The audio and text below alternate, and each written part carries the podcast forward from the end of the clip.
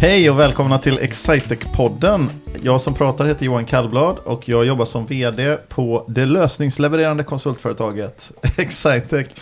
Eh, vi är lite på gång idag. Vi har lyssnat på finsk vemodsmusik, Levi and the Leavings. Det har inte så mycket med Excitec att göra, men det har att göra med det faktum att vi har ett återbesök för er som lyssnar på avsnitt nummer 43 här i våras.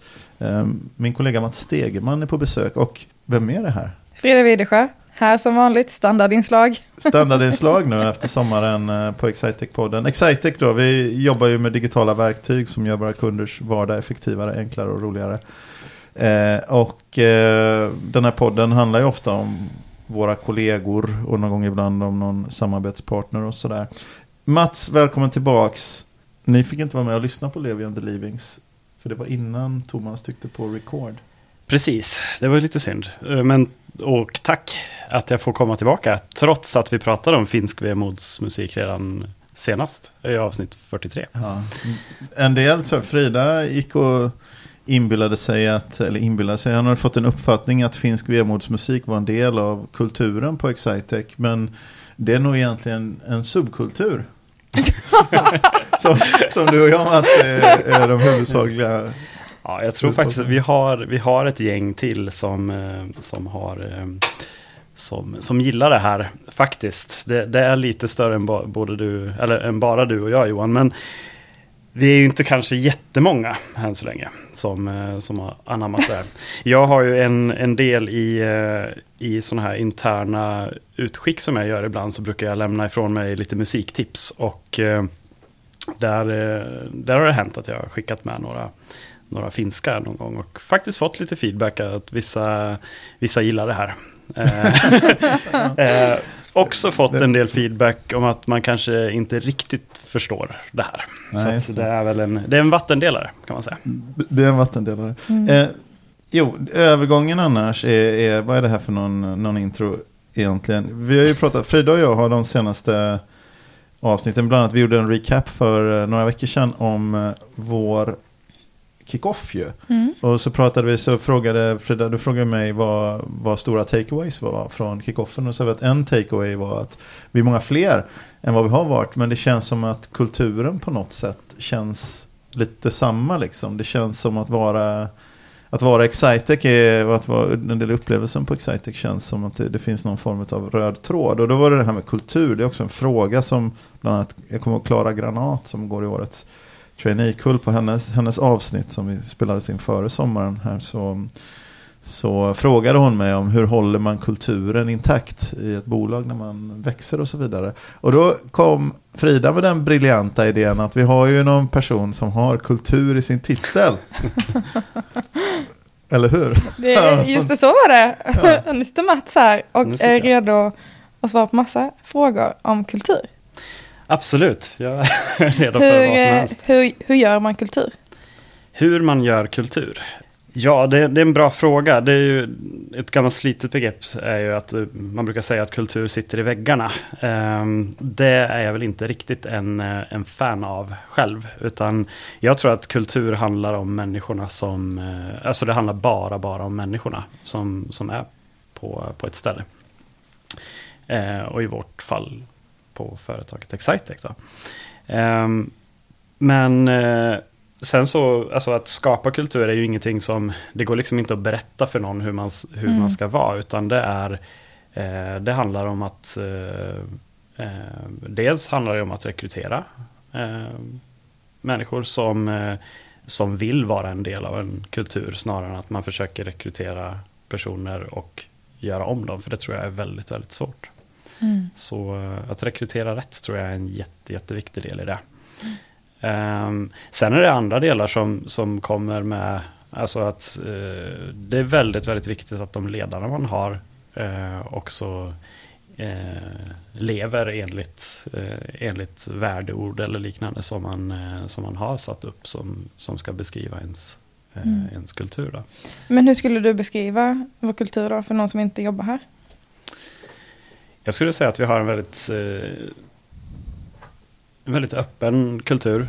Alltså att vi har, eh, eh, det, är, det är inte långt mellan, eh, mellan yttersta ledning och, eh, och övriga medarbetare. Utan eh, Jag har faktiskt ett exempel här som, som jag pratade med en av våra, en av våra senaste anställda, en av våra årets traineer som, som berättade om att eh, vid en företagskväll som vi hade här under, under förra året så, så, eh, så kom eh, Johan som sitter här nere in mitt i företagskvällen eh, och, eh, ehm, och frågade lite grann vad, eh, vad är det som händer här? Vad, jag, jag känner mig har, ut, utanför.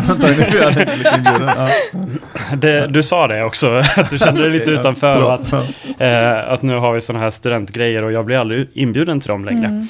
Um, men eh, och, och det där är en sån grej som, och då vi som var med och arrangerar och sådär har ju, alltså det är ju inget konstigt egentligen att du kommer in och att eh, och att vi kan svara liksom så här att nej men Johan du, du behövdes inte den här gången. Utan eh, det, det funkar jättebra ändå. Ehm, men en sak som var ny för mig det var att några stycken av de som faktiskt var på den företagskvällen och som sen, eh, sen sökte jobb och fick jobb hos oss berättade att det där var en ganska viktig del i deras eh, val av arbetsgivare. Att de kände att vi som var där, alldeles oavsett ifall det var en Eh, en person som kändes som att de har jobbat länge eller, eller eh, någon som var ganska ny av de som var med på studentkvällen från vårt håll tyckte att eh, det var liksom ingen skillnad på hur vi betedde oss bara för att vdn kom in. Mm, och. Och det var en väldigt så här, det var en väldigt viktig grej då. Och jag tror att det där är nog ett exempel på på att vi är ganska trygga med, med våra ledare. Liksom, och att vi, vi, känner oss trygga i oss själva. Och, mm. och, det i sin tur, om jag ska koppla tillbaka till din fråga som du ställde från början, tycker jag är ett ganska bra exempel på vår kultur. Mm. Att vi är eh, eh, öppna, trygga, glada, energifulla. Mm. För det handlar ju om att man kan fråga vem som helst om vad som helst också. Det är ja. ju, man kan ju verkligen ta upp telefonen och ringa till någon, ställa en fråga och fråga om det var rätt fråga att ställa till den personen. Om det inte var det kan man bara ringa någon annan. Mm. Det är ju, det är inte svårt att få hjälp. Eh, och det känns väldigt eh, i kulturen också. Mm. Och det, ja, men det, jag, jag, brukar säga, det sa jag nog säkert senast jag var med i den här podden också, så här, om någonting som beskriver oss som bolag. Och det, det ska väl vår försäljningschef eh, Fredrik Lundell ha cred för att jag har eh, stulit det begreppet från honom. Men han, han sa eh, tidigt att eh, vi präglas av att vi är eh, vi är seriösa men vi behöver inte alltid vara så där himla allvarliga. Och det tycker jag också är en bra grej som beskriver oss eh, som, som gäng. För att alldeles oavsett, alltså man kan ju vara väldigt, eh, man kan ju ha en väldigt, eh, eh vad ska man säga, glad och öppen kultur. Men att det, det spiller över i att man faktiskt inte kanske är um, Eh, att man inte blir seriös i, mm. i, det arbetet man utför. Men, men där tycker jag inte att vi är det, utan det finns en liksom seriositet i det vi gör, men det behöver för den sakens skull inte kännas så himla allvarligt jämt. Mm. Men hur gör man då för att nu i, ja, nu i augusti så började det ju, vad var det, 40 stycken nya? Någonting mm. däromkring.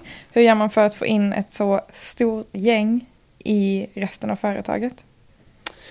Ja, vi, gör, vi gör ju förstås många olika delar. Om man, om man pratar om de som är traineer så, så har ju de en del i det traineeprogrammet som vi har är ju att man har väldigt mycket gemensamma eh, utbildningar i det gänget. Där vi har eh, dels lite aktiviteter som handlar om att man ska lära känna varandra i den gruppen men också tillsammans med oss eh, som har jobbat här en längre tid. Eh, en annan del är att vi, eh, vi satsar ganska mycket på att träffas hela bolaget eh, tillsammans. Det tror jag är en väldigt bra grej, att man får in det tidigt. Ni nämnde kickoff. Mm. Det tror jag är liksom så att, man, att man kommer igång med sådana aktiviteter väldigt tidigt och att, att man får känna att den här bilden som man kanske har fått av beskriven av sig under sin rekryteringsprocess, att den faktiskt Eh, att den faktiskt stämmer. Att det inte bara är snack att vi är så himla härliga här. det, tror jag, det tror jag är viktigt.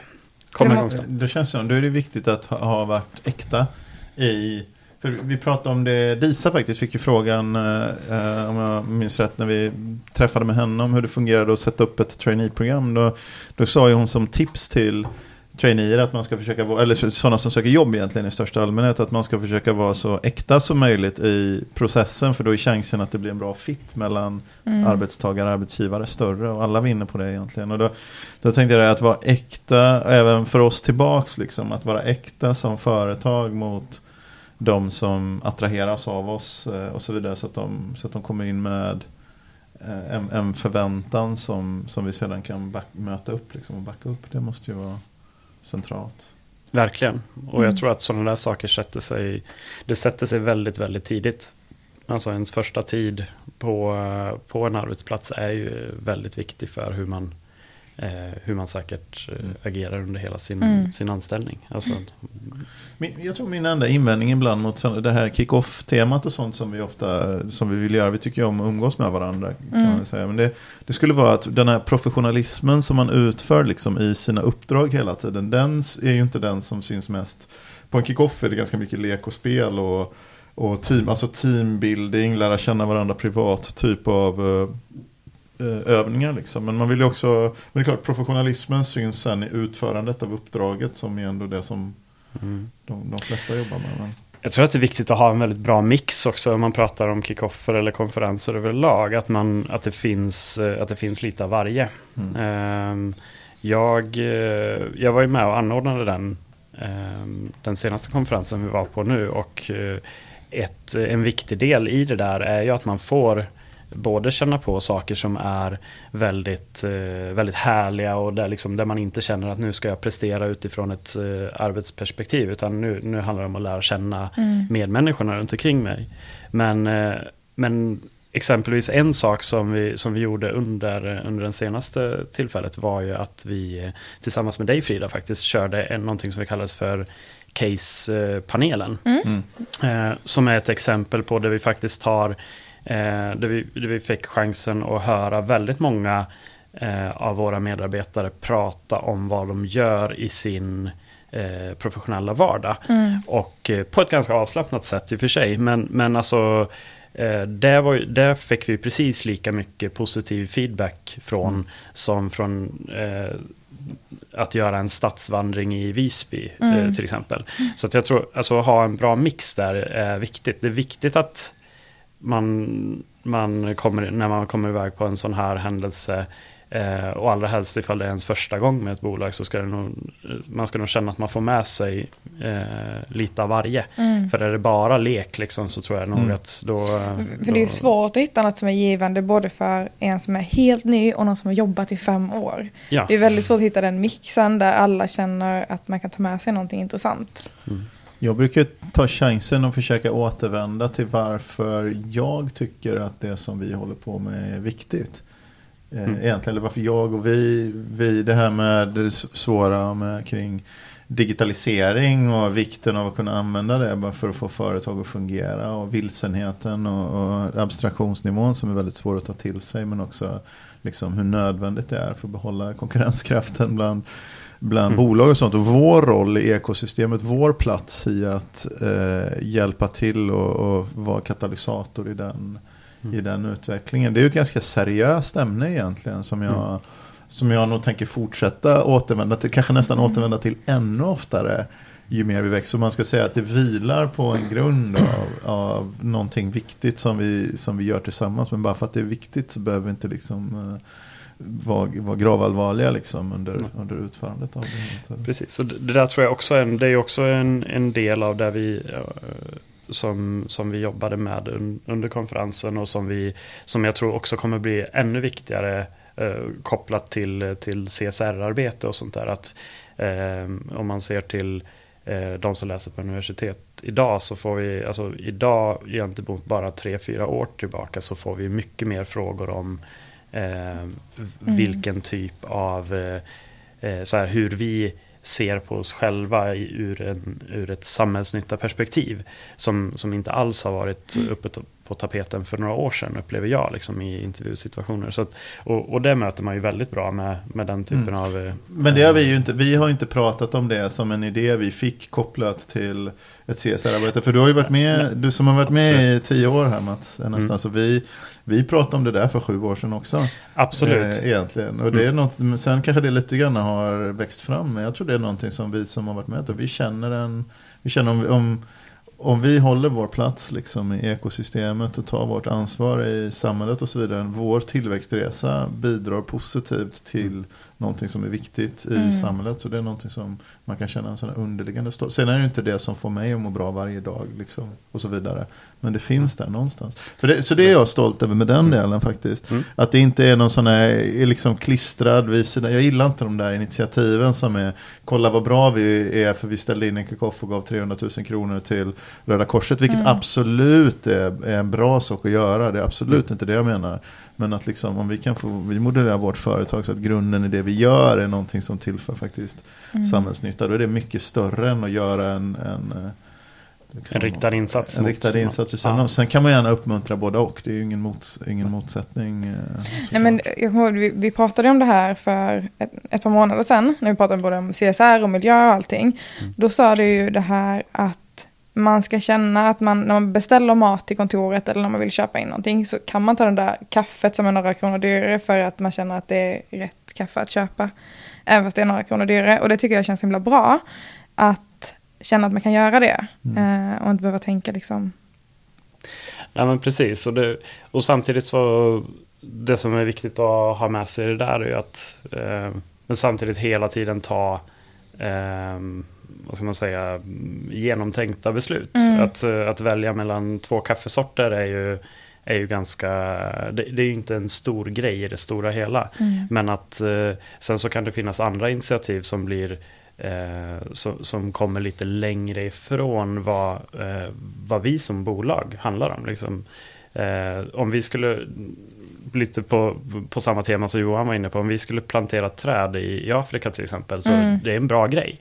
Men det, det är svårare att se våran Eh, våran idé med varför vi ska göra det. Mm. Sen det är enklare att förstå liksom så att ja, men vi konsumerar faktiskt otroligt mycket kaffe här. Mm. Då, kan vi, då kan vi göra det på ett bra sätt. Eh, och, och, jag tror att, liksom, att ha, ha med sig den där tanken ehm, eh, att, så här, men vänta nu, vad, vad, handlar, vi, vad handlar vi om mm. Eh, egentligen? och, och och, eh, och sen få, få en chans att, eh, att ändra någonting litet men som ändå känns väldigt bra. Mm. Det, men vi vill ju vara nettopositiva liksom egentligen. Mm. Det, det, det, nej, det, det handlar om det egentligen, små, små saker. Men som, som sagt, jag har lite svårt, jag tycker ibland att den känns lite plå, påklistrad.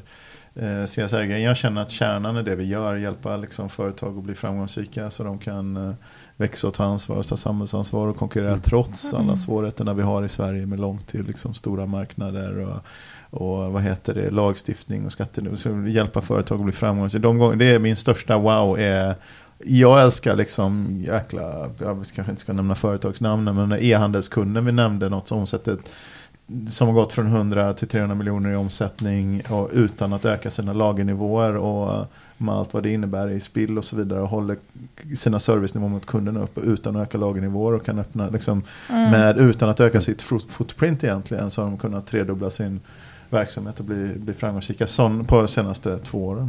Här så, så sådana där berättelser som vi har i vår, det är de jag går igång mest mm. på. För jag känner att det där är gör skillnad. Sen kan inte vi, jag försöker akta mig också för att bli, faktiskt för att bli politisk. I, för jag kan ibland, för jag, är, jag vet inte var jag själv står riktigt. Jag kan tycka alla har så övertygande argument för alla. Kanske inte de som är alla längst ut, liksom på, på någon av kanterna. Men, men jag kan tycka, så jag försöker akta mig från att vara, lägga för mycket, du borde tänka så här och vara så mycket så här. Utan jag tänker, vår, vår roll är ändå, men om du ändå ska göra det här du gör, så vill du göra det med mindre energiåtgång, mindre förbrukningsartikelslöseri, mindre tidslöseri, ta bort tråkiga repetitiva arbetsuppgifter och göra det effektivt. Liksom. Och där kommer mm. vi in. Mm. Men sen kanske inte vi kan liksom säga till andra vad de borde syssla med och så vidare. Det, det är väl någon mm. annan och det är lagstiftning och sånt som styr det. Så jag försöker liksom lite grann när det går navigera bort från det. Men för att cirkul cirkulera tillbaka till eh, kultur då. Ja. Eh, hur får man... Ja, jag, jag, det är jag som drar iväg. Alltså. hur, hur får man andra som söker till oss att känna samma sak som vi känner som jobbar här? Ja, du, det är en bra, alltså, det är en bra fråga. Jag, alltså, um, jag tror att um, jag tror att egentligen att försöka vara sig själv i, i så mångt och mycket som möjligt. Att göra att andra känner att ja, men, mina värderingar och eh, hur, hur jag agerar, det, det funkar här. Mm. Eh, och, att, eh, och att man uppmuntrar sådana eh, såna initiativ som, som kommer, som är, mm. som är bra. Liksom. För det är ju väldigt svårt när man är i en intervjusituation eh, och vara sig själv och avslappnad och inte nervös och, mm. och sådär. Men hur, om det skulle bli något tips till någon som ska komma på intervju hos oss, vad hade det varit? Oh, ja. vad ska man säga? Alltså så här, eh, ja, en intervju handlar ju alltid om båda två samtidigt. Det är ju liksom dialogen som är viktig i det där. Och ofta så om det är någon som är väldigt nervös så, så kan man ju göra väldigt mycket som, som den intervjuande personen mm. också. För att kunna liksom ta ner och känna att nej, men nu mm. är vi på, på liknande eh, nivå. Eh, jag brukar, alltså så här, om, om någonting jag brukar göra om någon är väldigt nervös, det, det, är att jag brukar prata om, alltså be dem prata om någonting de tycker är roligt. Det behöver inte alls vara relaterat till, mm. till det vi gör, någonting man brinner för till exempel. Mm. Om de säger att ja, men jag, jag tycker om att laga mat. Så jag, mm. Eh, jag, just nu så är jag inne på asiatisk mat mm. och då kan jag liksom hålla kvar vid ett sånt ämne och fråga liksom så här, vilken, vilken typ av soja ska man använda till den uh, asiatiska mm. mat. Tills man kommer i ett läge där de inser nästan så här, men varför pratar vi om, varför pratar vi om glutenfri kikkoman-soja helt plötsligt? Det, det är ju jag trygg med. uh, och sen börjar jag liksom prata mm. mer om uh, Men det, det känns ju som en väldigt trevlig intervju att vara på om man jämför med hur, hur intervjuer kan vara. Där man känner sig väldigt eh, pressad och presterar hela tiden. Mm. Eh, att se det mer som ett samtal eh, ja. mellan båda två. Precis, och, och, jag menar jag tror nog att eh, jag tror att liksom det där är nog en känsla som häng, hänger med senare. Att, eh, om, om man har varit på en intervju som inte känns bra, mm. liksom, då, då tror jag det säger någonting om, om mm. det stället. För alla också. våra traineer och nyanställda får skriva på eh, vårt eh, interna HRM-system HiBob. Mm. Eh, och en liten presentation om sig själva. Ja. Och det har jag märkt att många har sagt det, att de upplevde eh, att den kulturen de fick en bild av att fanns här, den har också stämt överens när man väl började här. Mm. Det känns ju som att ni verkligen har fått fram kulturen under hela anställningsprocessen. Mm. Och det, det, är ju ett jättefint eh, betyg tycker mm. jag. Alltså det, det, är jag jättestolt över. Och, eh, att, eh, att se och höra att vi får den typen av feedback. För att mm. det, vi försöker vara väldigt noggranna med att inte liksom översälja vilka vi är. Och jag ty tycker också så här, jag har ju inte jobbat med det här eh, så länge eh, egentligen. Eh, utan av de tio åren jag har arbetat på Excitex så är väl jag minns sju av de åren har jag jobbat som, som leveranskonsult egentligen. Men, eh, eh men att, eh, och, och, det gör ju också, alltså så här, det jag tänkte säga med det var egentligen att jag vet ju ungefär hur vi, hur vi är och en, en stark anledning till att jag tycker att det är otroligt roligt med att jobba med rekrytering på Excitec är ju att jag behöver, inte, jag behöver inte ljuga om vare sig arbetsuppgifter som vi har att göra, för de är kul, mm. eh, eller hur, hur den vi är. Liksom. Sen så kanske inte, alltså så här, sen så är det inte så här att alla som kommer på intervju hos oss får, får jobb för den sakens skull. För att vissa vill, eh, vill kanske inte eh, jobba på en arbetsplats som, som är precis som vi är. Mm. Men då, då är det också ett, eh, då funkar ju rekryteringsprocessen åt, åt det hållet också. Då. Mm. För det är ju när man, jag kan tänka mig när man anställer nyexaminerade, då handlar det ju mycket mer om vem man är som person än av ens faktiska erfarenheter. Mm. många är ju väldigt nya, kanske inte har jobbat innan. Och det måste ju skilja sig jättemycket från att anställa eh, mer senior personal. Ja, absolut. Det, jo men det gör det ju och, jag menar det blir ju också om man, om man jämför de två typerna av rekryteringar så så blir det ju mer prat om värderingar och kultur och sådana bitar på, på, en, på en intervju med eh, en mer junior person. Mm. Medan de som är mer seniora kanske tenderar mer till att prata om så här hur, ja, men hur ser eh, hur, hur ser affärsmodellen ut för den typen av eh, område som jag har mycket erfarenhet av mm. kring tidigare. Um, så, så Sen vet inte jag egentligen. Jag tror att det är precis lika viktigt att hitta personer med rätt kultur bland mm. de seniora som de juniora. Tror du att det finns en risk att man med det här kulturfokuset när man anställer människor och sånt att man kan uh, råka skapa likriktning och jobba vi någonting med den frågan? Alltså så att man inte bara får människor som är avbilder av varandra. Bra fråga. Eh, självklart så finns det väl en sån, eh, alltså risken finns ju. Eh, att man att, eh, ehm, att, att man skapar det. Men jag tror någonstans, alltså en del i, alltså en del i att lära sig och bli bättre på det här med rekrytering är också att lära sig att det här med att vi är olika och vi lär av varandra är en väldigt, väldigt styrka. Mm. Jag vet, första gången jag gjorde intervjuer så, så insåg jag efter ett tag liksom så att jag, jag letar ju bara efter personer som är lik mig. Mm. Uh, och uh, uh, när, när någonting skilde så då tyckte jag att det var, eller liksom då kändes det, det fel. Defekt, ja. ja. men precis, men, men, men så nu det känns som att det har nästan slagit över åt andra hållet. Att det, det, är, en, det är ännu roligare än någon som tänker annorlunda. Att man får nya infallsvinklar och, och sådär. Och så att jag tror att, eh, jag tror och hoppas att vi är ganska duktiga på att eh, även om det finns en röd tråd med den här kulturella liksom, röda mm. tråden mellan oss. Eh, att vi tycker om eh, att vara tillsammans. Mm. Eh, att den finns så tror jag inte att det eh, behöver innebära att vi är lika som individer. För det, det, är vi ju inte riktigt. Nej, vi är ju väldigt många olika intressen och olika sätt att se på saker. Men jag tror mm. att det som, som jag känner är lika mellan många är att vi tycker om att vara med varandra. Eh, både på jobbet och kanske efter jobbet också. Mm. Eh, och som du sa, väldigt öppna. Det känns som en sån där sak som är väldigt, mm, mm. sitter hos oss. Jag tror det handlar om, för, för min del, jag skrev väl för det fall att ni hade gett mig någon sån här eh, liksom klokskapsfråga i kraft av mitt ämbete och ålder. Eh, vilket ni inte verkar vilja göra. så jag får ta den själv. Så, så, så, så äh, tänkte jag att äh, det handlar ju om den här, alltså, apropå klyschiga saker som företagsledare eller människor i företagsledande position säger.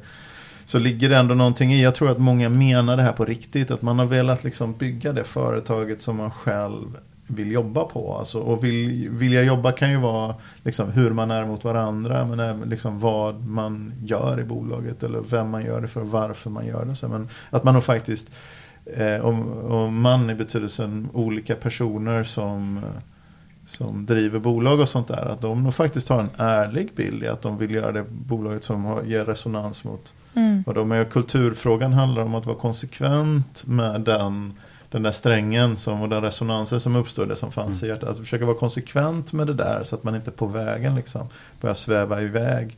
Och, och göra saker som inte var det som var ens ens ursprungliga önskan då, att skapa det här företaget som man, som man själv skulle vilja jobba på. Då. Och sen så tänker jag, så här, för första, att försöka vara konsekvens med att, att skapa, vara med om att skapa ett företag man själv jobbade. Och sen så ska man göra det så bra med så bra folk att man får kämpa lite hela tiden för att behålla sin plats. Liksom, mm. man platsar.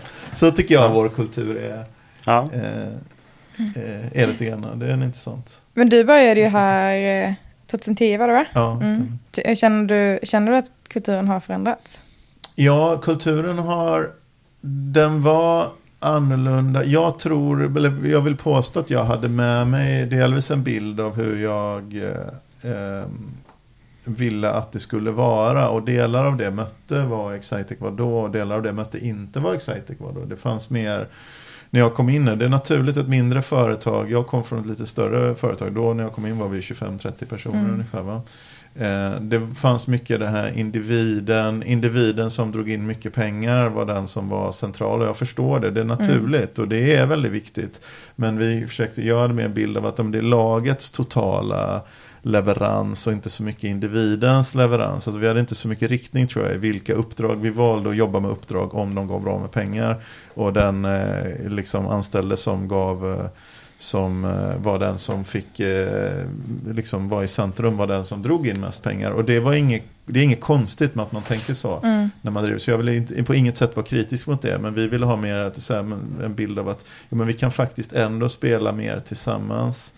Om vi, vi kan uppnå ännu större värden tillsammans som lag om vi, eh, om vi kanske inte ser oss som en artistförmedling med en massa olika duktiga människor. Utan vi, vi jobbar tillsammans på ett annat sätt. Så jag, jag tror att jag hade en, en syn som delvis mötte däremot domänen som vi verkade inom.